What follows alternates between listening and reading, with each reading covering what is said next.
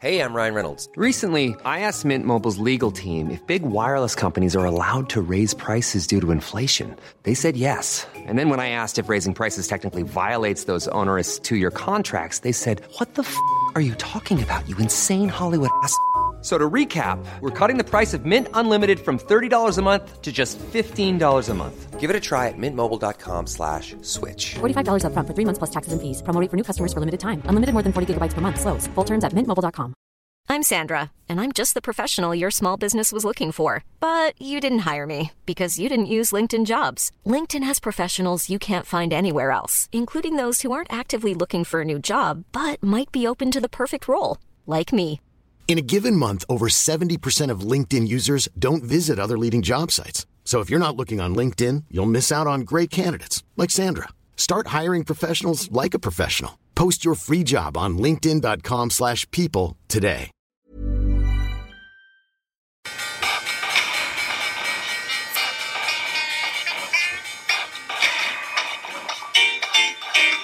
The governments don't rule the world. Goldman Sachs rules the world.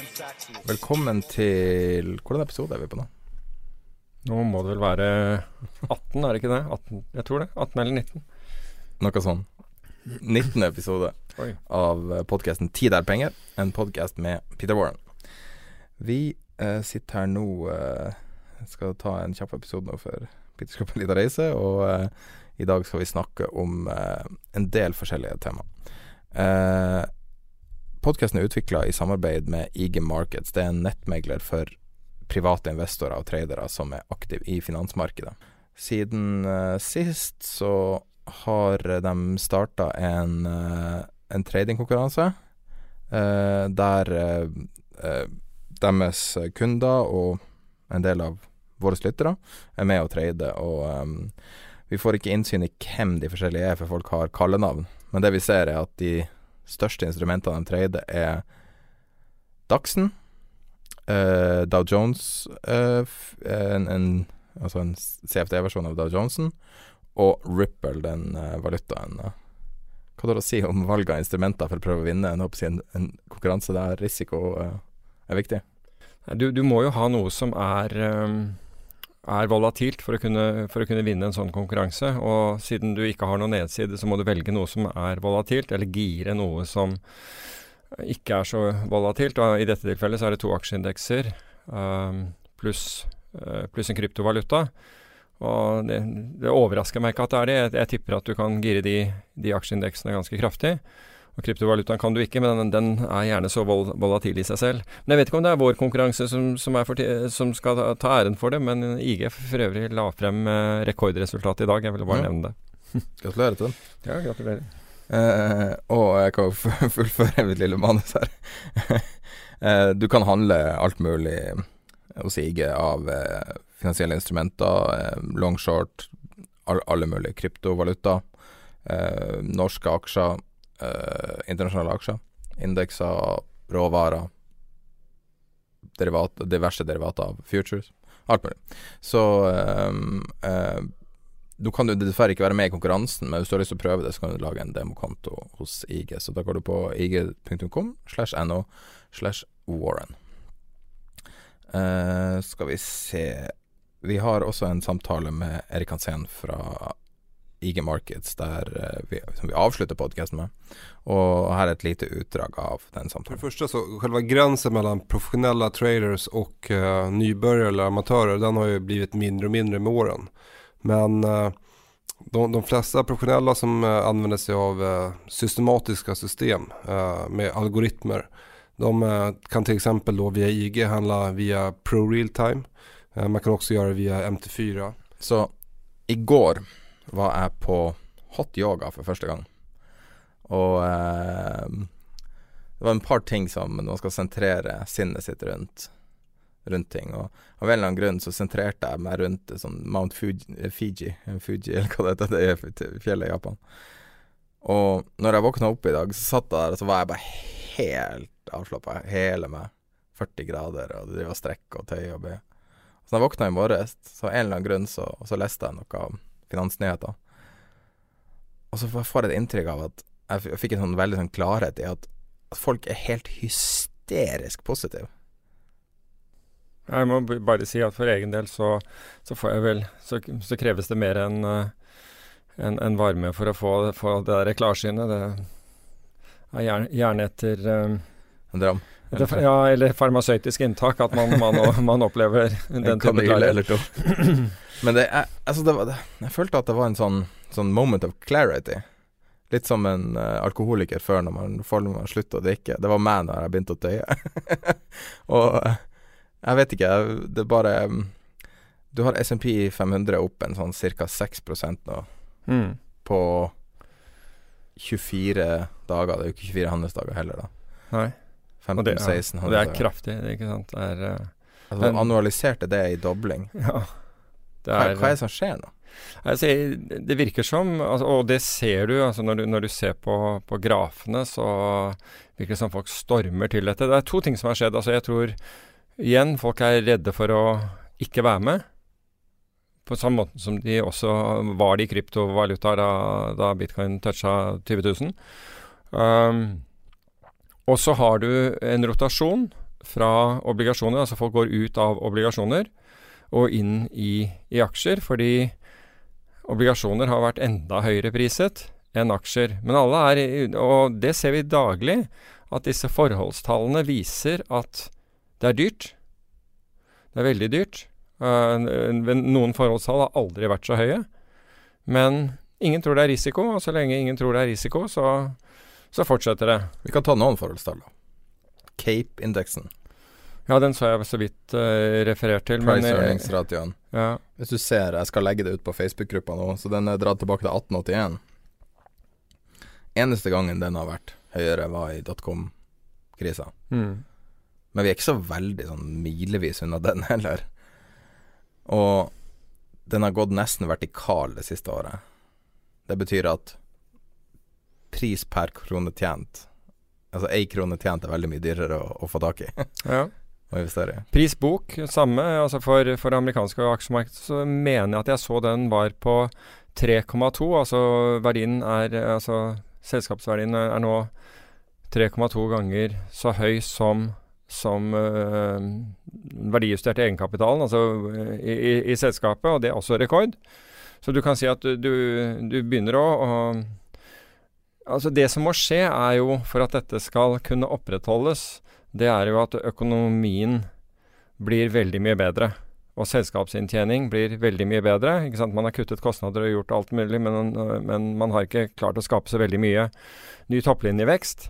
Og så håper man da at bl.a. skattekuttet, altså det amerikanske skattekuttet, skal bidra kraftig til det. Og om det strides de lærde, men at det får noen innvirkning, positiv innvirkning, det, det er høyst sannsynlig. Men det går jo bedre. Det går bedre. Altså, opp- tjener, de investerer masse. Så, så det er liksom ikke sånn entydig bilde av galskap heller. Ja, men det er ikke sånn- så, eh, Når du sier investere masse det, Jeg er ikke så sikker på det. Altså Mye er jo tilbakekjøp av egne aksjer. Nei, Capex, Capex er opp. Ja, ja, Capex er opp. Det, det er helt Men vi må også huske på at liksom, noe av drakraften her er jo faktisk at folk har brukt pengene til å kjøpe tilbake egne aksjer fremfor å investere. Capex er opp. Um, og veksten er opp. Og IMF har vel oppjustert den globale veksten med, med 0,2 prosentpoeng, altså til, til 3,9. Og det er jo absolutt bra vekst. Norge eh, har omtrent halvparten, eller forventes å ha omtrent halvparten. Men det er absolutt ting som skjer. Men det sagt, så har vi jo for, Dette er jo allerede priset inn til de grader i markedene. Så veksten må virkelig akselerere fra dette nivået. Det er ikke bare at vi skal ha den gode veksten som f.eks. 3,9 BNP-vekst eh, i år og, og neste år. Det, vi må ha mye mer enn det for å, for å kunne forsvare eh, kursene.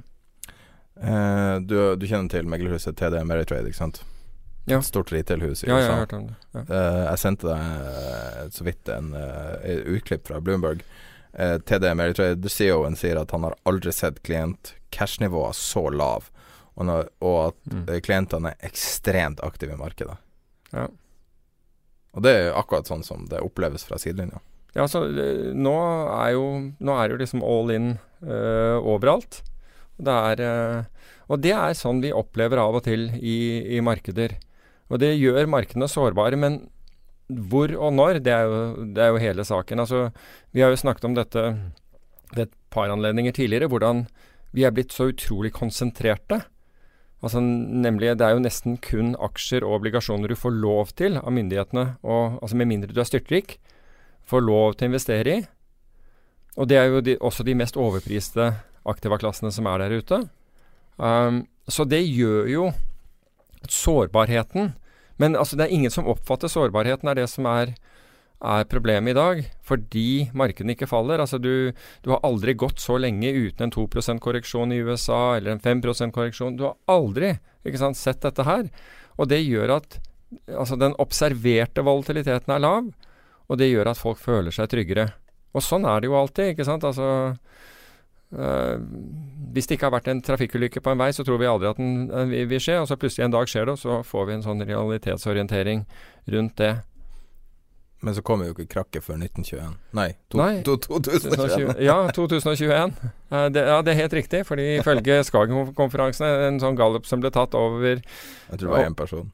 nei, nei, nei, de, de, snakket med flere, men, og, men og over en rekke eksperter så var det Altså Jeg tror noen nevnte 2019, men, men om, om, om, det vektede gjennomsnittet ble 2021 Altså Hva er sannsynligheten din for at du kan med noen som helst presisjon si at noe skal skje tre år frem i tid? Bryn Skaugen det som sa 2021. Ja, jeg tror ikke han var den eneste, men, det, men du kan si at og, Altså Saken er at, du har, at det er lenger ut i tid det mindre nøyaktig vil en prognose være. Sånn er det. Um, og det er jo i den uh, i, den sammenheng litt sånn interessant, fordi folk står jo frem og er skråsikre. Noen nevner ikke nødvendigvis Bryn Skaugen, for jeg hørte ikke han si det, eller, uh, men, men uh, daglig så leser du hvor aksjemarkedet skal.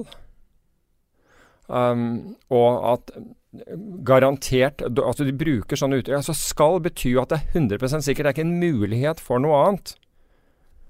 Og det sier seg Altså hvis man tenker seg om Altså man, man har på engelsk et veldig godt uh, uttrykk som heter 'confidence is not competence'.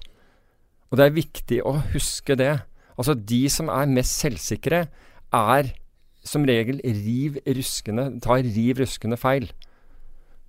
Det fins um han, uh, han Den filmen uh, Liars Poker Nei, ikke Liars Poker, men uh, den filmen The Big Short. Ja. Så er det jo han, han som er den egentlige Han som driver det hedgefondet, hva heter han? Du vet hvem jeg mener? Mike Burry? Nei, han som driver det hedgefondet. Det, eller det, det lille fondet som, det, under Morgan Stanley.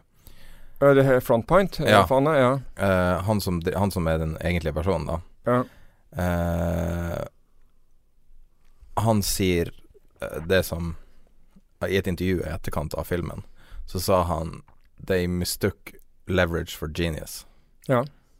Og det på en måte summerer opp alt, syns jeg. Men, har, men, sånn har det jo vært mange, mange ganger. Beta, ikke ja. alfa. Ja.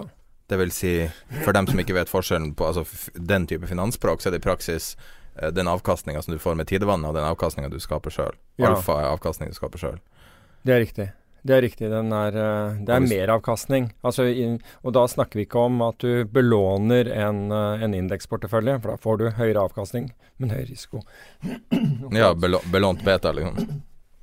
Ja. Um, I 2000 og, Altså så langt i år, da. Noen, det er noen, noen stats her, da. Uh, så langt i år så har vi hatt tolv uh, nye toppnoteringer for SMP 500-indeksen på nesten tolv dager. Så det er jo mm. så, mer eller mindre hver dag. Sist gang du hadde noe lignende, var 1964. Da var det 11 på en dag. Og vi er ikke ferdig med måneden da. Samtidig, men samtidig, samtidig, med dette så har jo, har jo dollaren falt. Så, har, så du har hatt um, Så du har ganske kraftig nedgang i dollaren mens dette her skjer. Så Kjøpekrafta til, på en måte? Ja, nettopp. Og, og Trump gikk jo ut altså rett etter at han ble, ble president. Da, da, steg jo faktisk dollaren. Og da brukte han den der for at han beklaget, men, men man hadde så stor tillit til ham uh, at, at dollaren steg, og det var, kunne bli vanskelig for amerikansk industri. Du har ikke hørt han nevne det siden. Her er en annen sted. Dealmakers are to the hottest start of the year since 2000. Ja. For uh, diverse mergers and acquisitions. Jo, men jeg, jeg, tror det er Altså, jeg tror det er lett, men det, det er jo interessant fordi på, altså Goldman Sachs var ute i denne uken her og advarte og sier at dette her er ekstremt. På- Altså Nå må folk besinne seg litt. De, de er positive, men de, at, eh, men de hedger seg med, med å si at nå, nå begynner dette her å se voldsomt ut, og nå skal folk være forsiktige. Så har du Morgan Stanley. Litt av det samme. De kom ut med, med en masse anbefalinger. Selvfølgelig Den ene anbefalingen det var, å, det var å gå long altså Det var en sånn opsjonskombinasjon i europeiske aksjer, altså den Eurostox-indeksen, hvor man kjøpte en kjøpsopsjon med, med, som, eh, eh, med en strikekurs, altså som gjorde at du tjente penger hvis eh, markedet steg over 2 Og så utstedte du en, en salgsopsjon eh, som gjorde at du ville tape penger hvis markedet falt mer enn 10 Men samtidig med det, samtidig med at dette skjer, så eh, ber de deg gå short high yield-obligasjoner. Altså hvis, hvis vi tenker oss at disse obligasjonene og aksjene er, er i kapitalstrukturen til samme selskap, så da Så er high yield sikrere enn aksjer i et, i et selskaps eh, kapitalstruktur, fordi det er, en, det er en obligasjon. Så du skal gå short den sikre delen, og så skal du gå long den litt mer usikrede delen. Um, og det Altså, jeg lurer egentlig på altså, hvordan, hvordan henger dette her sammen. Altså Det ene hadde vært fordi du tror at renten stiger, men det er ikke så enkelt som det. fordi det er jo high yield-spredden de mente ville gå ut. Så de mener da at selskapet skal bli mer usikkert, samtidig som, som verdien skal stige. Men vi ser jo en form for det her nå, i markedet, der aksjemarkedet stiger, spreaden på høye yield-obligasjoner går ut, altså det vil si at Ja. verdien faller, samtidig som at noe nytt skjer som vi ikke har sett, at viksen stiger også. Nei, altså det du kan si er at folk er villige til å betale opp for forsikring. Og det så du ikke, det så du knapt noen ganger i fjor. Altså Du så det når det ble veldig billig, og vi hadde jo dette her 9% Når du så 9 %-tallet, lave 9% så skulle man kjøpe forsikring. Og gang på gang så så du, så du VIX-indeksen sprette opp fra det, på det meste opp i 16, tror jeg. Um, Og nå ligger den på en måte hvile på rundt 11. riktig. nå- Kommer ikke ned sant? igjen øyeblikkelig, liksom. Nå ser du at folk Så du kan si de smarte pengene der ute, altså de som på en måte er litt mer kvantitative, de som skjønner mer, de driver og beskytter seg. Det ser du. Og hvis du ser på forward-kurven av VIX, altså VIX for, for fremtidig levering, så er fortsatt den kurven bratt, men den er flatere. Altså den, den eh, kontraktene med, som, har- som har eh, kort tid til levering, har begynt å stige relativt til de lenger bak. Så vi har på en måte Vi ser en endring der. Og, altså, og det er positivt, så lenge noen kjøper forsikring. Men det er en sånn dette, ble dette var omdiskutert her forleden, og jeg tenkte Jeg tror jeg nevnte det for deg, at dette var noe å ta opp. Fordi det var en som sa ja, men for hver kjøper av forsikring, så er det en selger. Og det er helt riktig. Og dermed så, så mente vedkommende at da kan du ikke si noe om det. For da er det egentlig akkurat det samme antall, ikke sant. Altså noen er villig til å selge, noen er villig til å kjøpe. Og så lenge disse forsikringskontraktene skapes av at du er selger, altså for at jeg skal få kjøpt noe, så må noen selge det. Slik at det er et nullsumspill, så du kunne ikke si noe ut ifra det. Men dette er feil. Eller det er for så vidt riktig det vedkommende sier, men man må, man må trekke dette litt lenger, fordi det nøyaktig det samme sa man om CDS-kontrakter, altså det at du kunne beskytte, beskytte deg mot konkurser i bedrifter i, i 2007 så, så billig. Sam, nøyaktig det samme sa man der. Men hva skjedde? Jo, markedene imploderte etterpå. Og hvorfor gjør de det når det er like mange kjøpere som selgere? Fordi det er ikke like mange kjøpere som selgere. Det er færre som kjøper, men de kjøper stort, så du ender opp med at forsikringen sitter på veldig få hender. Og de hendene vet ved sin besøkelsestid at når dette her da begynner å gå utforbakke, så er ikke de raske til å, til å selge dette igjen. De vet at de sitter på noe, en verdi. Og, det, og sånn var det i 2007. Grunnlaget for filmen du nettopp nevnte, The Big Short, var jo de få som så denne muligheten, og som kjøpte denne forsikringen, tjente voldsomt. Samme ser du nå. Det er de profesjonelle, de virkelig profesjonelle, som, ska, som skaffer seg volatilitet i disse dager, og de håpløst uprofesjonelle, ville jeg sagt. Ikke, ikke, men altså, ikke, ikke ta det på feil måte, for de håpløst uprofesjonelle kan, kan tjene penger lenge, de. Men de tjener bitte små summer hele tiden, og så taper de stort, mens den andre gruppen har muligheten til å vinne stort og tape lite, men ofte, men vinne stort og, og sjelden. La meg sitere noe her, hvis du vil. For, for igjen, jeg elsker The Big Short. Den er så bra. Så hvis du har lyst til å lære om finans, så er det virkelig å se den. Altså, men du burde gjerne se den et par ganger, og kanskje med litt sånn uh, supplement av informasjon hvis du ikke skjønner alt. Uh, I filmen så sier han you, All this time you're betting against dumb money. I'm about to show you how dumb that money How dumb that money really is. Her er eksempel på dumb money. Do discuss investments with your significant other. Hey all, newly married here, and my husband is seriously into the stock market. I have more of a science medical background, so I don't completely grasp or understand how our investments work. Husband is knowledgeable and works in the finance field. Lately, I've been worried about our investments. All I know is that he has short positions on Tesla and Netflix, and that isn't doing so well right now. Uh, when it has come up uh, with his friend who does this for a living, he jokes about how sketchy and risky my my husband is with his positions. He will not talk to me uh, uh, about it in detail, and I have no idea how much money we have lost and potentially could lose. A couple of months ago, he said we lost about a hundred thousand dollars, but he made some or most of that back. Og så er det videre og videre, hun tør ikke å snakke med han om det. Altså, jeg flirer av det. Det her er en katastrofe. De kommer til å skilles pga. det her, nesten garantert. Han er short Netflix, og altså, det her er to knallsterke aksjer. Ja, ja. Hva var det jeg så et eller annet at Hadde du kjøpt eh, net, Netflix for 1000 dollar, var det i 2002, så hadde du vært millionær i dag. Altså i dollar. Og det er ganske bra. Men, uh, nå, vet, altså, men nå snakker vi nå. Uh, og jeg vet ikke om uh, Altså, nå, jeg har ikke sett på, på Netflix. Tesla har vi jo Ja, Netflix runda en milliard dollar i Ja, jeg vet det. Men det betyr jo ikke at den ikke, kan, at, at den ikke er en god short på dette nivået. Uten ja. at jeg vet det. Fordi jeg men har du ikke sett burde ikke være short på i en eksplosiv opptur. Nei, Det- altså som, som sagt, jeg har ingen Jeg har ikke studert Netflix. Jeg har sett Tesla derimot har jeg sett en del på, fordi vi har snakket eh, en del om den. Ja. Um, Og hvis du fulgte den konkrete traden vi snakka om ja, vi snakket om, om to, eh, men vi, vi snakket ved, ved to anledninger, ikke sant? Og da, eh, på, på to forskjellige nivåer. Men hvis du faktisk gjorde det, som vi ikke gjorde, vi faktisk diskuterte om vi skulle Ja. gjøre fordi at det var så attraktivt, så med en millimeters margin så endte den eh, utstedte kjøpsopsjonen out of the money, Ja. og du er ganske monstershort te Netflix, nei. Tesla, uten, uten risiko, uten U, ja, uten utlegg. I ett år, var det. Hva sier du? I ett år. I ett år, ja. Uten utlegg. Så nå, så har, nå har du ikke noe utlegg. Du kan selge posisjonen din og, og få en veldig bra gevinst. Fordi de, Ja, disse opsjonene er for, ja, ja, og ikke bare det, men volatiliteten har steget. Så de opsjonene er, de lever i beste velgående, de du, de du har. Men du har nå finansiert dem fullstendig. Du har ingen eh, risiko så hvor noen kan komme og si at du, jeg, du, du må stille du må stille med, ytterligere margin, eller noe sånt. noe. Da har du ingen risiko på den, um, annet enn den opparbeidede uh, gevinsten.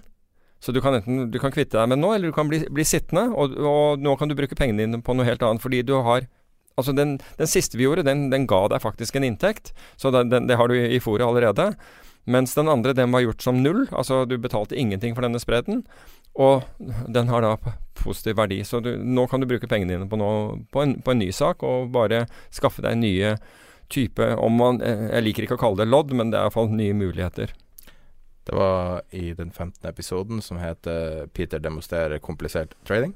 Og det er jo den metoden du til en viss grad har brukt i din Ja. karriere, og som du kanskje uh, bruker fortsatt i dag. Ikke. Ja, altså du kan si at hvis du kan finne eh, former for opsjoner, kall det lodd hva du vil, men hvor, hvor du har eh, risiko enten veldig liten risiko, eller risiko i en veldig kort tid, og så lever denne posisjonen videre, så er det, det er egentlig utrolig gunstig å ha. Og har du nok sånne der ute, ikke og en av de går inn, så gjør du det, gjør du det fantastisk bra. Vi snakket jo om en, en annen ikke sant, med, med dette med amerikanske statsobligasjoner vis-à-vis vis greske statsobligasjoner, som antageligvis er den beste putten du kan Eller i hvert fall en av de beste puttene, fordi du blir betalt for å sitte på det. Ehm, ehm, og hvis man kan prøve å finne sånne trader, av og til så er det gunstige trader. En annen en er um, som kan være gunstig, altså hvis du tror på oljemarkedet, da. Hvis du tror at olje, altså, Alle sier nå at olje skal videre opp, selvfølgelig, fordi nå er vi på 70 dollar fatet.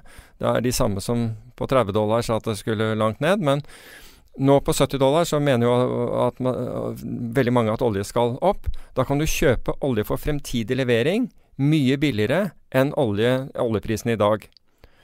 Um, så hvis du da gjør det, så kjøp da f.eks. Hvis, hvis du tror da at oljeprisen skal opp, så kjøp en at the money forward-opsjon, altså en, en, opsjon på en av disse fremtidskontraktene som er, hvor prisen på olje er mye billigere. Kjøp en opsjon på den, og sitt med den. Og da, altså Hvis bare olje kommer opp til det nivået den har nå, så betaler den premien. Men hvis den går videre, altså hvis oljeprisen skal opp, så kommer du til å gjøre veldig bra på det. Så det fins muligheter der ute til å, å utnytte den forward-kurven, altså fordi olje for fremtidig levering er motsatt av viksen. Den er mye billigere, og da kan du utnytte den type anomalitet. Så det kan være en gunstig sak å se på også. Kanskje vi burde eh, tallfeste det ved et eller annet tidspunkt. Ja. Tesla, når vi først var inne på Tesla, så du den dealen Elon Musk hadde født. Ja. Bra det var en spesiell deal. altså Han blir verdens rikeste hvis det her slår til. Ja, Men han får ingen lønn, men han får bare en vanvittig bonus hvis dette går bra, slik jeg, jeg, jeg forsto. Ja. Men bare, bare, så det er sagt, altså det er ikke det at vi ønsket å shorte Tesla. Det For det første, du kom med ideen.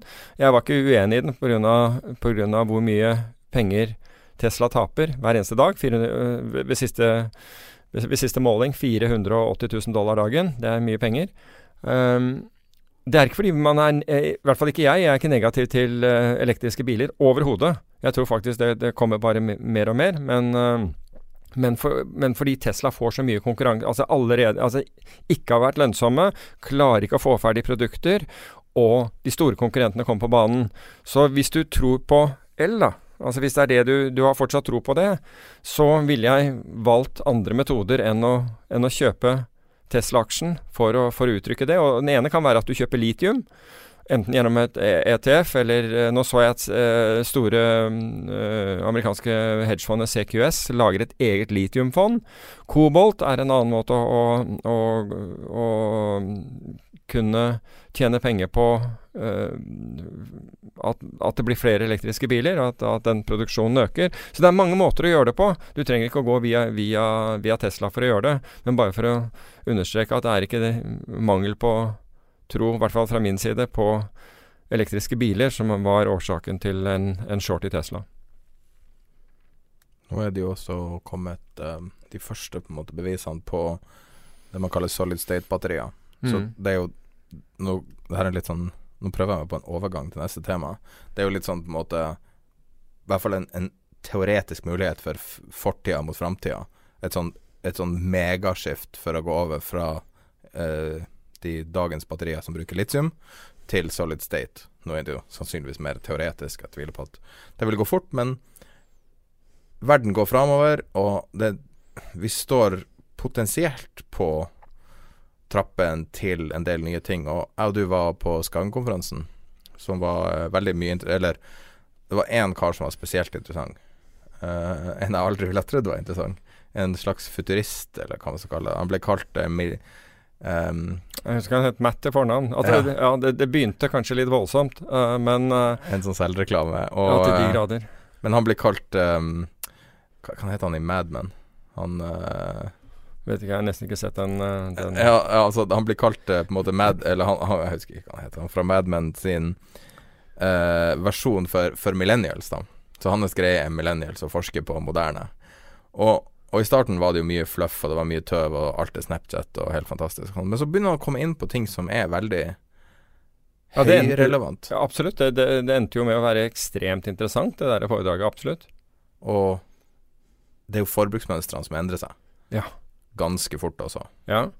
Og du hadde sett noe fra The Voss, hadde du ikke? Jo, og der, man hadde gjort en gallup med, med hva var det Altså hva var man bekymret for? Altså hva er disse store industrilederne og alt mulig sånn bekymret for?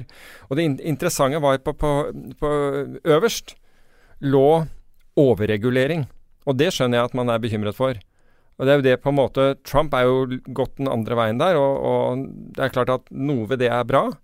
Altså 42% var bekymret for overregulering, og i sannhet har man fått det i finansmarkedene. Det er helt vanvittig hva det koster, og vi har snakket om det eh, tidligere det, altså antallet ikke-inntektsskapende eh, mennesker i, i, i, i finanskonsern har altså har gått helt voldsomt i, i, i, været. Og det er et problem. Og til slutt så ender det problemet hos den alminnelige forbruker som må betale mer for produkter, bare så det er klart. Men så var det interessant at hva var nummer to på listen? Og det var med, med 1, 1 prosentpoeng margin. 41% var bekymret for terror. Altså det tror jeg altså nå, nå skal det sies at utfallet av terror kan være dramatisk. Men sannsynligheten for at du blir utsatt for det, er svært lav. Så alt i alt så, er, så, ligger vel folk kanskje har litt for mye frykt på det. Men endring i forbruksmønster, som er det som bl.a. har gjort at du nevnte i sted, Netflix har gått så kraftig. Um, Tesla, for den saks skyld, har, sant, som har gått kraftig, og mye annet. Det var det bare 26% som var bekymret for. Det er næringslivsledere. Ja. Dem som kommer til å bli rammet av det. De som kommer til å bli rammet av det. Og det bekymrer meg. Det er vel kanskje det som bekymrer meg, at bare 26% altså, Det bekymrer deg at de ikke bekymrer seg? ja, det, jeg blir faktisk veldig bekymret over at ikke de er mer bekymret over det. fordi det er jo det som på en måte gruser virksomheter som det ene øyeblikk går veldig bra. Og så plutselig skjer det en endring i forbruksmønster, og, så, og så, er det, så er det kroken på døren. Så at ikke flere bekymrer seg over det Nå er det mange som helt sikkert tror at de kan opptre proteksjonistiske. Altså, banker har jo hatt den derre de, de, de, prøver å være så proteksjonistiske om sine, om sine, inntekter som mulig, og det er helt naturlig. Men de er vel de som har kanskje fått med seg myndighetene lettest på å stenge andre ute og stenge andre løsninger ute osv. Men selv det ruller jo inn med nye Payment Directive og Mifid og, og mye av dette, så ruller jo dette her inn, gradvis inn i, i om de vil eller ikke. Men det er ikke noe rart at f.eks. At, eh, at banker og myndigheter er, er negative til, til uh, kryptovalutaer. Mm. Selv om mange av dem deltar og har gjort det i mange år uten at de har, uh, har på en måte sagt noe om det. Uh, det er jo fordi det truer inntekter. Snakk om navlebeskuende Nordea, altså. Går ut og sier at de nekter ansatte i kryptovaluta. Ja, det, det, var voldsomt. Samtidig, hva var det hvor, som Goldman Sachs sa at det var en fare for en femdobling? Det, var, ja, de, det, kom dagen etter. Det går jo litt fram og tilbake, da, og så sier de ja, de er bedre. Ja, jeg, jeg, tror det er forskjellige avdelinger i 120 000 Helt, helt sikkert, men, men, men, ja, men jeg tror også at det er, det, er, det er, sikkert forskjellige oppfatninger om dette i Nordea også. Men, men slik jeg forsto det, så var dette myntet fordi du kunne gjøre ulovlige ting med kryptovalutaer. Du kan vel gjøre ulovlige ting med alle valutaer. Uten at det forhindrer deg å, å si at nå, vet du hva, nå skal vi ikke drive med penger lenger. Den artikkelen altså Nå skal vi ikke snakke om bitcoin på samme måte. Jeg vil si at jeg vil nesten legge debatten om, om prisen død, for det er på en måte ikke det det handler om. Og um, prisen er nå det prisen er. Men den artikkelen jeg sendte deg, som var i eh, New York Magazine, tror jeg det var, der noen hadde gått måte tilbake til start og prøvd å se hva, hvorfor er det her så interessant, nøyaktig hva kan du gjøre med det hva kan det her bli? Mm. Og da var det den Når man, når man begynner å ser tilbake og ser på eh, protokoller på internett, e-post, eh, sånn som eh, POP, POP3, du har HTTP, sånn type protokoller, og, som var helt fantastisk visjonær. Og så har du ikke hatt noe utvikling de siste 20-25-30 årene på protokollsida. Du hadde HTML5 har kommet, det er vel den eneste protokollen som har kommet i nyere tid. Og en av de tingene de ikke bygde opp, var identitetsprotokoller. Og, som da også knyttes til betaling og alt mulig annet. Mm. Og så har Facebook blitt det. En privat ja. institusjon kontrollerer det. Mm. Og så kommer ting som bitcoin fra sidelinja. Når du leser det i sammenheng, og setter det i store sammenheng, og ser tilbake i tid på de internettvisjonærene Så når vi snakker om hva som kommer i framtida, så er det Du kan si liksom gig-økonomien, eh, alt sånn Airbnb, og alt sånn der folk på en måte bare tar litt, litt av hotellene, litt av eh, eh taxier, litt av alt. Liksom. Ja. Og så det, det skreller av litt, og så har du bitcoin som tar litt av bankene, litt av Og så har du hvis det blir en protokoll, så begynner du å ta av, av Netflix og av, av, Facebook og av Twitter og alle de her, så begynner du bare å skrelle av. Og så ser du at før du vet ordet av det, så er det her en revolusjon som du egentlig ikke la merke til skjedde. Mm. Og det er på en måte sånn når jeg, jeg skal dele den artikkelen på Facebook-gruppa også. Tid er penger, hvis du ikke er med på Facebook-gruppa. Eh, og, og den Jeg skal dele det der, og um, Fordi at det burde virkelig leses for å forstå om du er positiv eller negativ til prisen på det. Men det er det der Det er det visjonære her som Jeg har aldri sett noe lignende. Mm.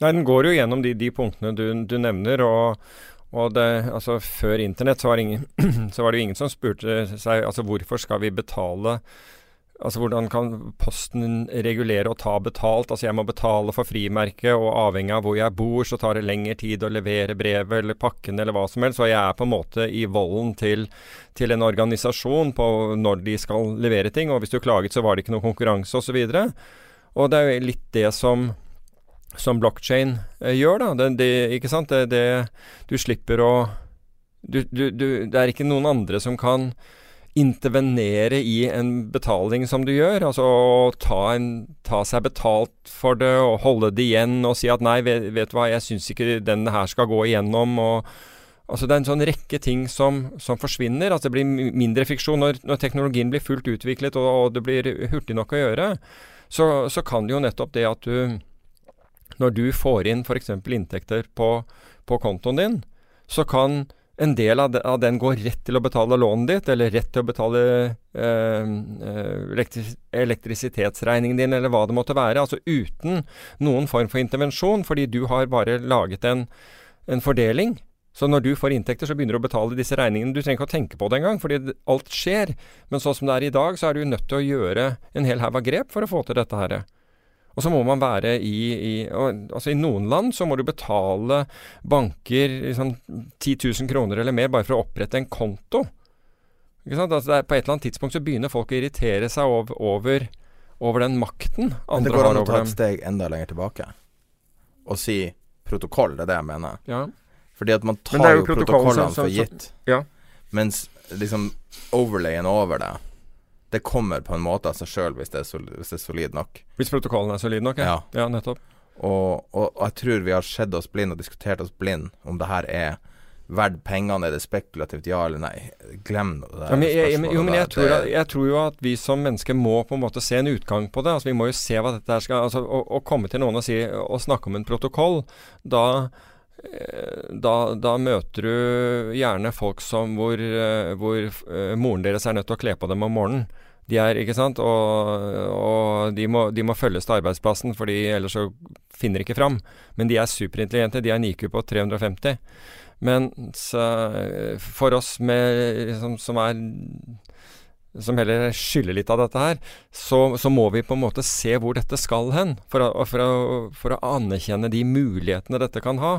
Og så er jeg helt enig, prisen er det prisen er. Det er tilbud og etterspørsel som, som styrer den, og til, til tider galskap. Men det er det i alle ting. altså det, det er i alle finansielle produkter. Det er en sånn mania og galskap uh, så, som inntrer, som det gjorde bl.a. i, i, i dotcom. Um, men vi har også andre eksempler på det.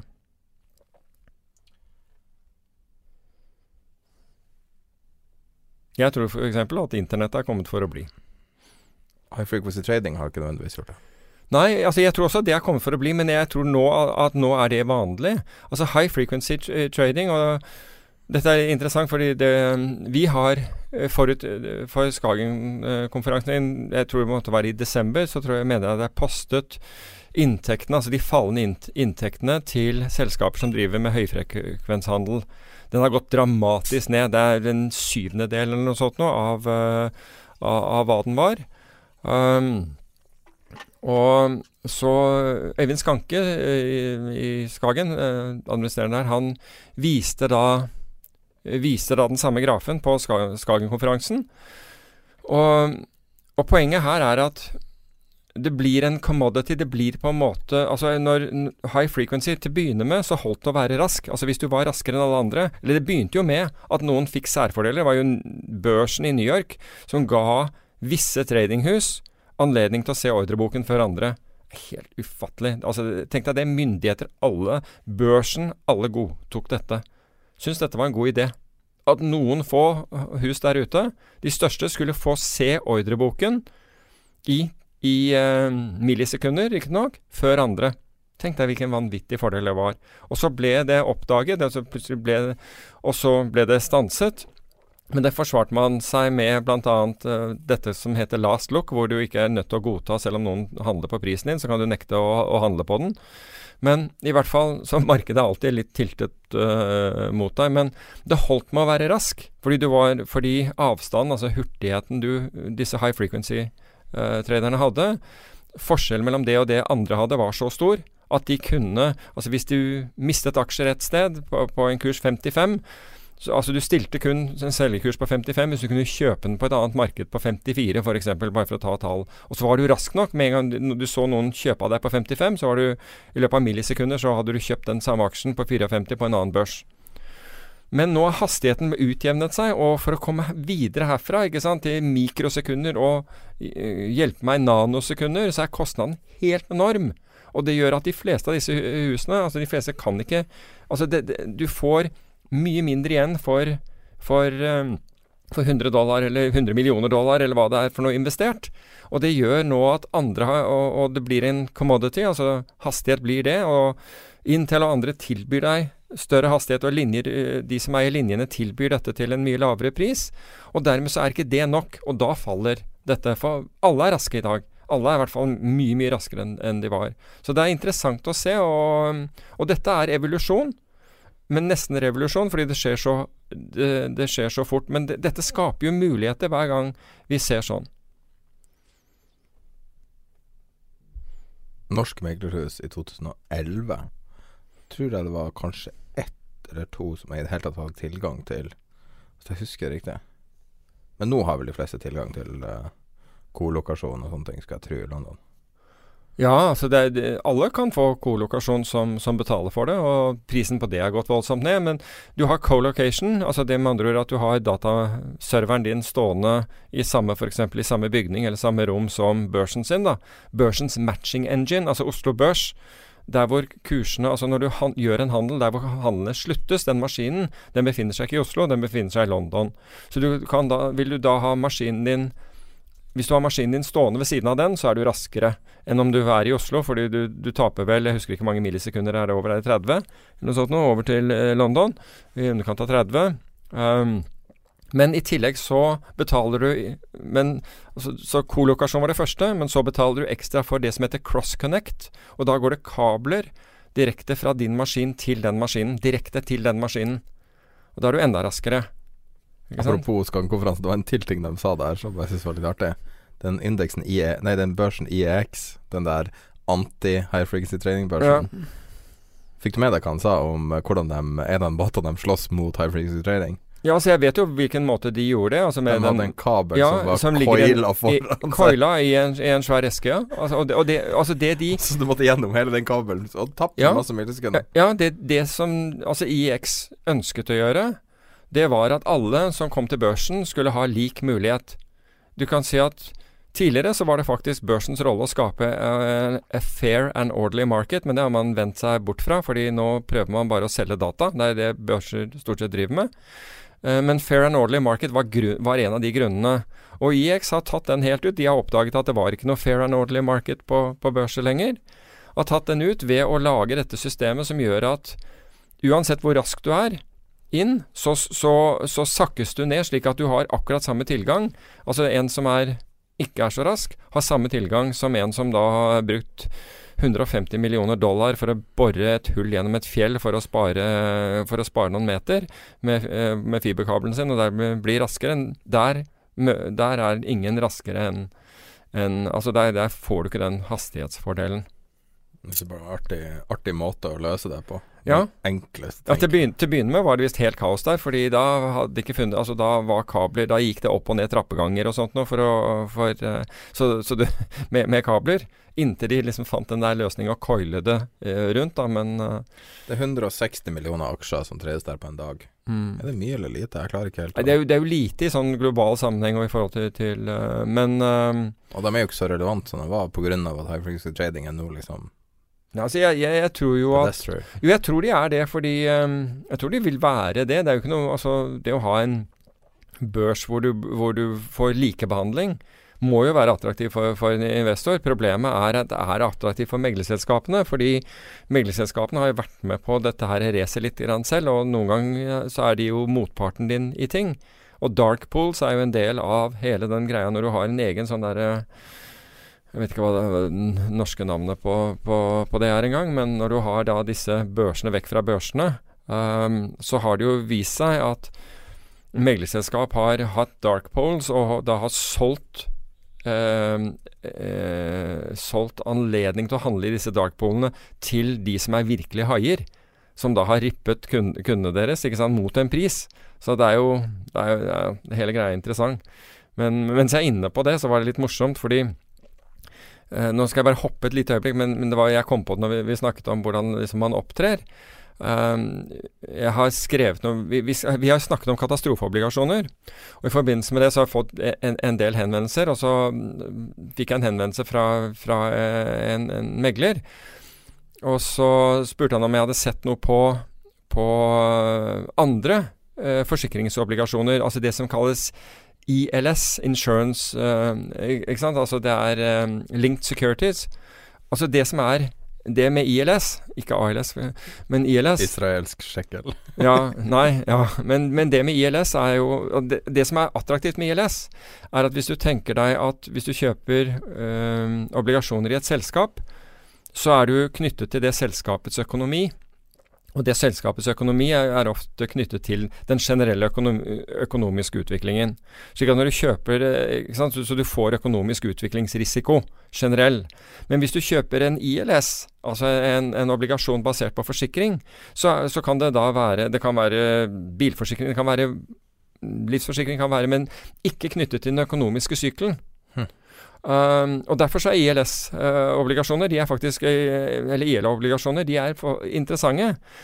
Og så sa jeg ja, jeg har sett det, og de har, det har vært veldig gode resultater der. Og de har vært bedre enn uh, enn for mange andre typer obligasjoner. Og så snakket vi frem og tilbake, så sa jeg men hvorfor, hvorfor megler dere ikke disse? Ikke sant? Altså, du er interessert i det og kan en del om det, sa jeg tydeligvis. Og det er altså lurt på hvorfor dukker ikke det opp i Norge?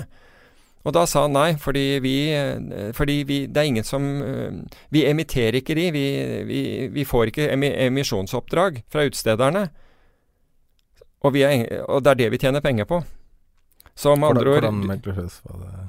Nei, jeg skal ikke nevne det, fordi Men altså, det her er seriøst ja, altså, brudd, de, på, brudd på kravene for å ha konsesjon? Ja, men alle vet at, at det foregår sånn. ikke sant? Du pusher det som du ah. Ja, jeg, jeg blir helt gal av det her, altså. Men, men, sånn, men, men, han var helt streit på det. ikke sant? Det er ingen stemning for det, fordi der, der har vi ikke emisjonsoppdrag. Så, og det får vi ikke. Så, men i det øyeblikket man får det, så blir det kanskje mer vanlig her også.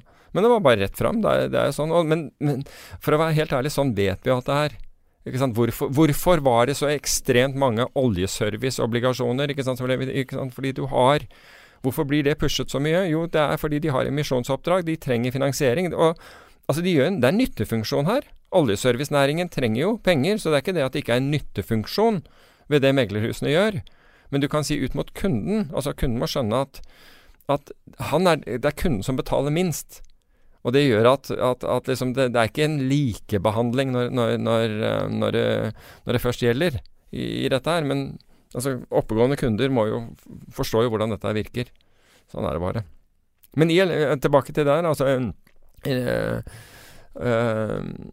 forsikringsobligasjoner kan være Altså Det er et av de få stedene hvor du kan diversifisere deg vekk fra den økonomiske sykelen. da All den tid du ikke tror at uh, Det er veldig, veldig interessant. Altså, du, du får direkte eksponering til forsikringer. Så det, I stedet for katastrofeforsikring, så er det Ja, altså katastrofeforsikring er jo interessant i seg selv. For det Men det her er personforsikring? Kan være alle, mul det alle mulige. Du kan få diversifiserte porteføljer som inneholder det du, pretty much det du vil i dette her.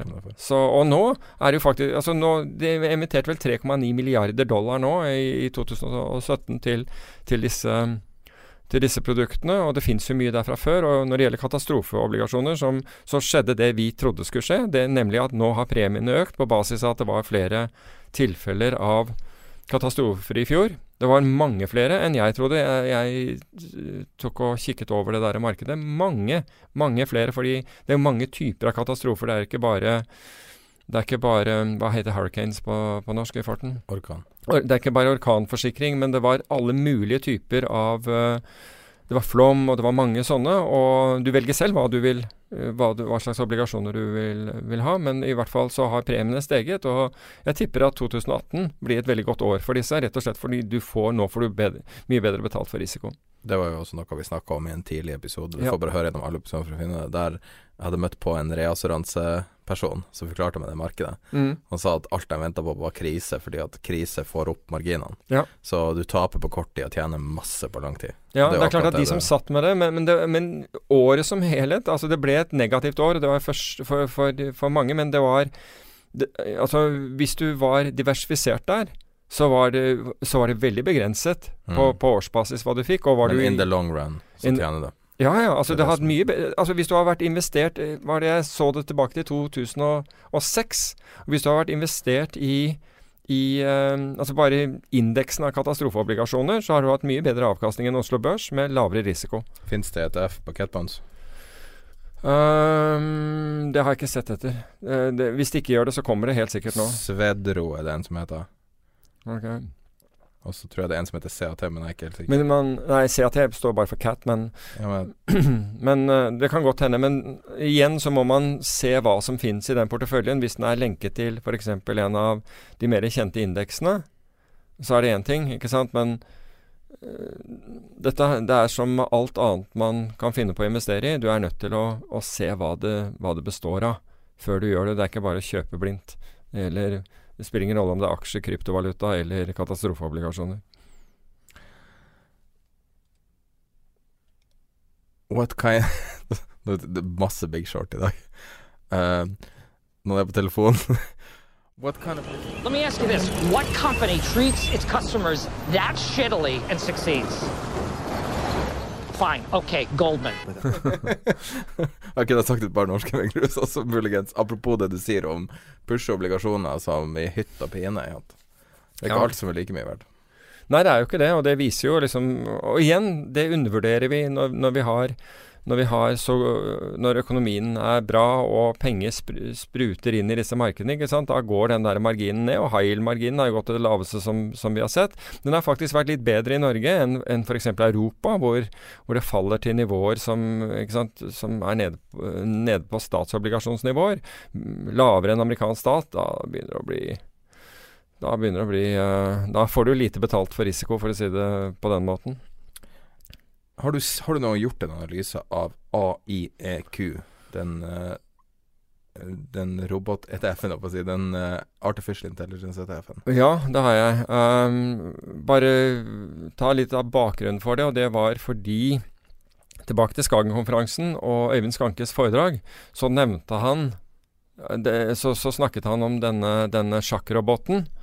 Eh, som da hadde brukt åtte timer, eller hva det var. Fire timer fra scratch å lære seg Fire sjakk. Fire timer for å lære seg sjakk og, og vinne.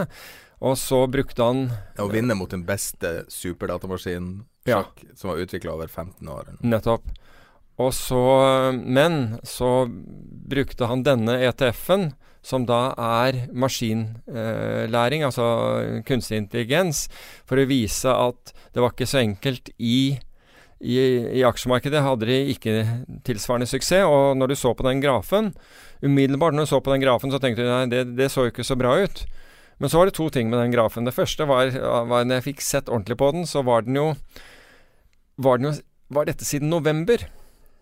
Så med andre ord, så når du spør har du gjort en analyse på det, så er det begrenset med, med tall i utgangspunktet. For dette, denne, dette fondet, denne ETF-en, altså børsnoterte fondet, som har da en maskinlærings... eh, som, som forsøker å, å slå markedet gjennom maskinlæring, har bare holdt på siden november. Men det som var interessant med den, var at den brukte 15 dager på å forstå det. For i 15 dager så gjorde den det dårligere enn SMP 500, og så bråsnudde den. Og siden det så har faktisk avkastningen vært 50% høyere enn avkastningen på SMP 500. Men jeg vil ikke konkludere med noe der, fordi vi har for lite data. Men jeg syns den grafen Altså, jeg så den, og så tidsperioden den var tatt over. Og han eh, Øyvind Skanke på en måte avfeid den og sa at dette her er, eh, viser hvor dårlig dette her er. Så igjen, vi har ikke nok data til å si om det er bra eller dårlig. men jeg ble imponert at, at den, for, den forsto hva som foregikk på 15 dager. Så forsto den hva som foregikk, og har siden øh, gjort det bedre enn en markedet. Men eh, la oss nå se hvordan Er det alfa eller beta? ja, det er akkurat det. Er det alfa eller beta i den? Og det vet jeg ikke. Altså fordi selv om, vi, selv om vi kom til at det var beta nå eller alfa nå, så har vi ikke nok tall. Ikke sant? Altså fra november til nå, og nå begynner vi å nærme oss slutten av januar, det er ikke nok til at vi kan fastslå det ene eller andre statistisk med noe statistisk øh, med noe statistisk vekt. Så vi må se dette her, men bare har sett Altså første, første når, du, når du både hørte påstanden og så grafen, så tenkte du ja, det der så ikke så bra ut. Men det tok ikke mange sekunder før du tenkte jøss, den der er jo faktisk veldig bra. Men juryen er fortsatt ute. La oss se på slutten av året hvordan dette ser ut. Og spesielt hvis vi skulle få uh, høyere grad av volatilitet. For jeg har sett at den når du spør om det er alfa eller beta, så er jeg er usikker. For jeg har sett eh, det er en høyere grad av, av eh, noe høyere grad av volatilitet i den. Men igjen, vi har for få tall til å, til å mene noe om dette her. Nå, det er bare sånn Ok, det er det jeg har observert til nå, men det er ikke nok data til å si noe med noen som helst form for sikkerhet. Jeg kan gi deg noen tall fra det. Den holder på 70 aksjer. Det er en ETF, egentlig. så den er i praksis mer eller mindre Jeg vet ikke om den kan kjøpe mer kompliserte ting, eller at den kan kjøpe f.eks. En, en VIX ETF eller noe sånt. Det kan den helt sikkert. Jeg vet, jeg vet ikke. Nei, jeg, jeg tipper at den er nok ment for å, si, å, å ta utgangspunkt i, i SMP 500. Ja, et, et bullmarked, rett og slett. Nei, ikke et bullmarked, men at du det, det er jo ikke et hedgefond, for å si det på den måten. Så, så og, og, og slik jeg har forstått det, så kan ikke den gå f.eks.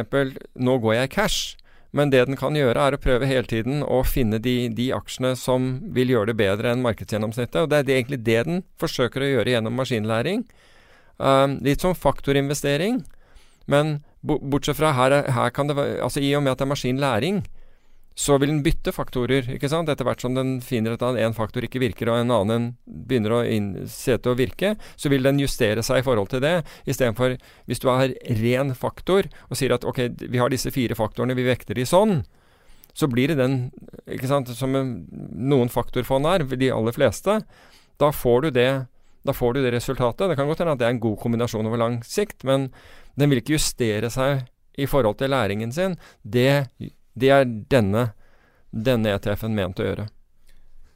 Men det er jo uklart hvem det er akkurat som står eh, bak den. Altså, det er uklart, men vi kjenner jo ikke til dem godt. Det er ikke Facebook, det er ikke Google, det er ikke de som allerede Mm. har etablert artificial intelligence. 70 aksjer. Den største holdningen er Amazon. Nummer to er Alphabet, som er Google. Tre Nvidia. Så det er jo det er ganske, det er ganske juicy aksjer de har. Ja, ja, Altså, Nvidia er jo en tradingaksje. Absolutt. Så har de noe eh, weird eiendomstrust, som heter Forest City. Uh, T-Row Price Group. Altså det er liksom litt sånn random T-Row er jo et finansforetak. Ja. Mm. Og Nasdaq, Capital One, som har en, en del finans Alle de her er sånn cirka 2-3 CIT, finans. Det er rett og slett mye Mm. finans her. når du ser. Mm. Uh, Ally Financial, Triumph er vel undertøy, tror jeg. altså, Ja. altså, men det interessante her er jo Det er jo bare en samling av aksjer. Men Og det er jo bare den første. Det er ikke sikkert den her blir å lykkes. Men tenk Nei, altså, deg det, noe, det, det noe er det snapshotet du har, ikke sant? Det er det, det, det snapshotet du har nå. For alt du vet, så, så har den endret Så endret den uh, sammensetningen i natt. Altså, den vil sikkert ikke gjøre det radikalt, men, men den kan godt gjøre det. Det her er kanskje basert på 13 FN, men jeg vet ikke om de må Altså saken er, tror du, på, tror du på maskinlæring? Ja, jeg tror på maskinlæring, fordi vi har, vi har vanvittig med data der ute, og vi har prosessorkraft som vi aldri har hatt før. Så tror jeg at, at det er mulig, ja det tror jeg, men det blir jo ikke bedre enn altså, en de som på en måte setter dette sammen i utgangspunktet og, og følger med på det. Altså, øh, og, men ja, jeg, jeg, jeg tror på det først og fremst fordi Altså Problemet i dag er at vi har for mye data. Vi har for Mm. store datamengder. Så både det å, å rense data, betydelig jobb, og, øh, og, og, og velge blant data er en, er en Ja, som jeg sa, betydelig jobb. Men det her er Jeg tror nok det her er bare første steget. Det her er første personen som driver med Statarb, og kanskje klarer å tjene litt penger, men så kommer det et eller annet når, når de liksom big boys kommer. Hvis Google I- slipper sin I beg to differ. Jeg tror det er det Renaissance gjør, eh, blant annet. Altså, eh, Rentex som har ja, ja, ja. Helt garantert at de har AI eh, og har brukt det lenge. Ja, ja. Altså de virkelig smarte gutta der ute bruker dette her. Jeg tror det var Facebook som lagde en artificial intelligence uh, En eller annen sånn et, eh, Altså to man kaller roboter, man kan kalle det. Og de fant opp et eget språk og begynte å snakke med hverandre. Og noen argumenterer med at det er gibberish eller ikke. Men de klarte ikke å se hva det var. De skjønte ikke det, så de slo dem av. Men det er sånn Det gir deg litt sånn indikasjon på hva det er det her er. Ja. En typisk måte å gjøre artificial intelligence er jo at den ene forsøker å gjenskape Det var, det var noe for å- bilder. Forsøke å gi, lage et bilde. Og den andre prøver å identifisere om det er mulig å skille det originale bildet oh, ja. med den det, Mm. Og det tok, det tok noen timer, og så var det indistinguishable. Og den, det er bare prøving og feiling som, som lager det. Um, men nå begynner tida å tikke, og jeg vet at du skal rekke et fly. Ja, jeg skal til uh, Trondheim og holde et foredrag for studentene på NTNU. Mm. Eh, om eh, hva da? Det, foredraget heter 'Fra Telex til nanosekunder'. Og er min reise gjennom finans. Så bra. Du må huske å promotere podkasten, så får du nye abonnenter. Og eh, hvis dere kan har merka det, så har vi ikke tigga om å få eh, reviews på iTunes eller eh, eller å få uh, oppstemming eller å dele med kompisene. Du må gjerne gjøre det. Altså, Er vi på iTunes? Wow, det er kult. så, uh, og nå har vi vel akkurat bikka 20 000 abonnenter, tror jeg. Og uh, den første episoden som er der du forteller din historie, hørte hørt av nesten 60 000 mennesker. Wow. Nei, Og nesten alle, vi har litt statistikk på det, nesten alle Jeg tror det er 80 eller 90% hører hele episoden selv om vi har lange episoder. Ja. Ja, det er det første nå ja. jeg har fått statistikk er på. det, imponerende. Men jeg, jeg syns du, jeg syns du sendte et tall til meg på at Var det 350 000 som har eh, som eh, avspillinger? Eh, Totalt? 325 sist, nå er det 350 da. Ja. Eh, Et, eh, jeg bruker å regne ut etter episode akkurat lagt ut. Akkurat. Så vi er på 350 da. Ja, det er, det er voldsomme tall. Så det er artig um, Det er artig at det er faktisk folk som hører på, for det var ikke helt åpenbart at noen kom til å høre på. Nei, jeg, jeg er veldig imponert. Og, og du har jo invitert ved, ved noen anledninger at folk kan altså Hvis det er temaer de ønsker tatt opp altså vi, vi kommer ikke til å anbefale småaksjer og, og den type ting, bare så det er sagt. fordi det den, den pushen ser jeg eh, der ganske ofte. At noen sier 'kan dere ikke anbefale', eller 'kan dere ikke omtale' et eller annet. Og så er det en, en aksje som, som jeg tror at skal lite til å, å, å flytte på. Eh, dersom, man, dersom den får omtale. Men bare så det er klart, vi, det gjør vi ikke. Men hvis det er uh, litt større temaer rundt, rundt finans, så skal vi definitivt vurdere dem. Ja. Men da må vi komme oss uh, av gårde. Og så rakk vi ikke å snakke om det The most bearish hedge fund in the world. Men du kan lese om det. Jeg fant en artikkel på Ultra Bearish Zero Hedge som er interessant å lese om dollaren. Så jeg anbefaler deg å joine gruppa til Tida Penger. Så avslutter vi med en samtale med Erik Hansen fra IG Markets. Ja, det er bra. En del av deres kunder er jo det man kaller proff. Altså at de lever av å handle. Eh, hvordan produkter tilbyr dere eh, sånne type proffer? Er det f.eks.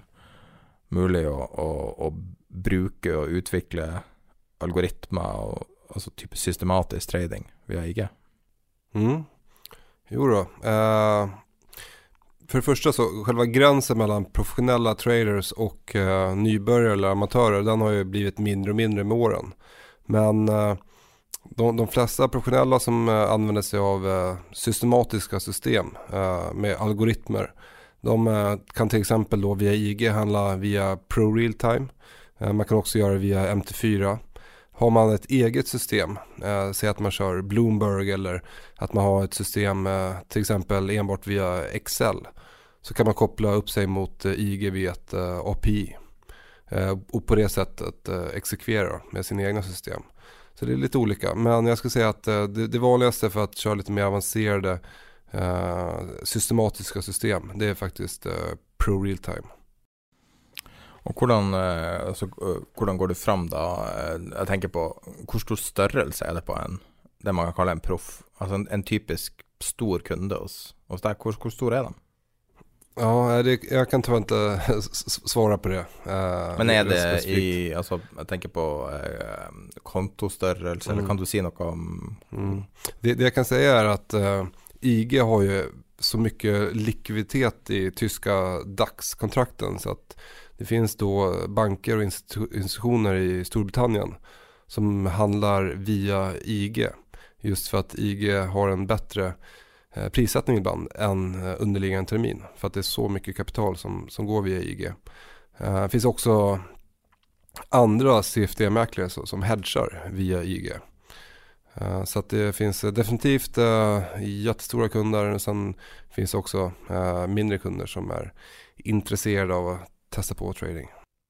Ofte så tradere som går fra demokonto til ekte konto, altså ekte penger, er at de ikke alltid får eh, de prisene de forventer de skal få.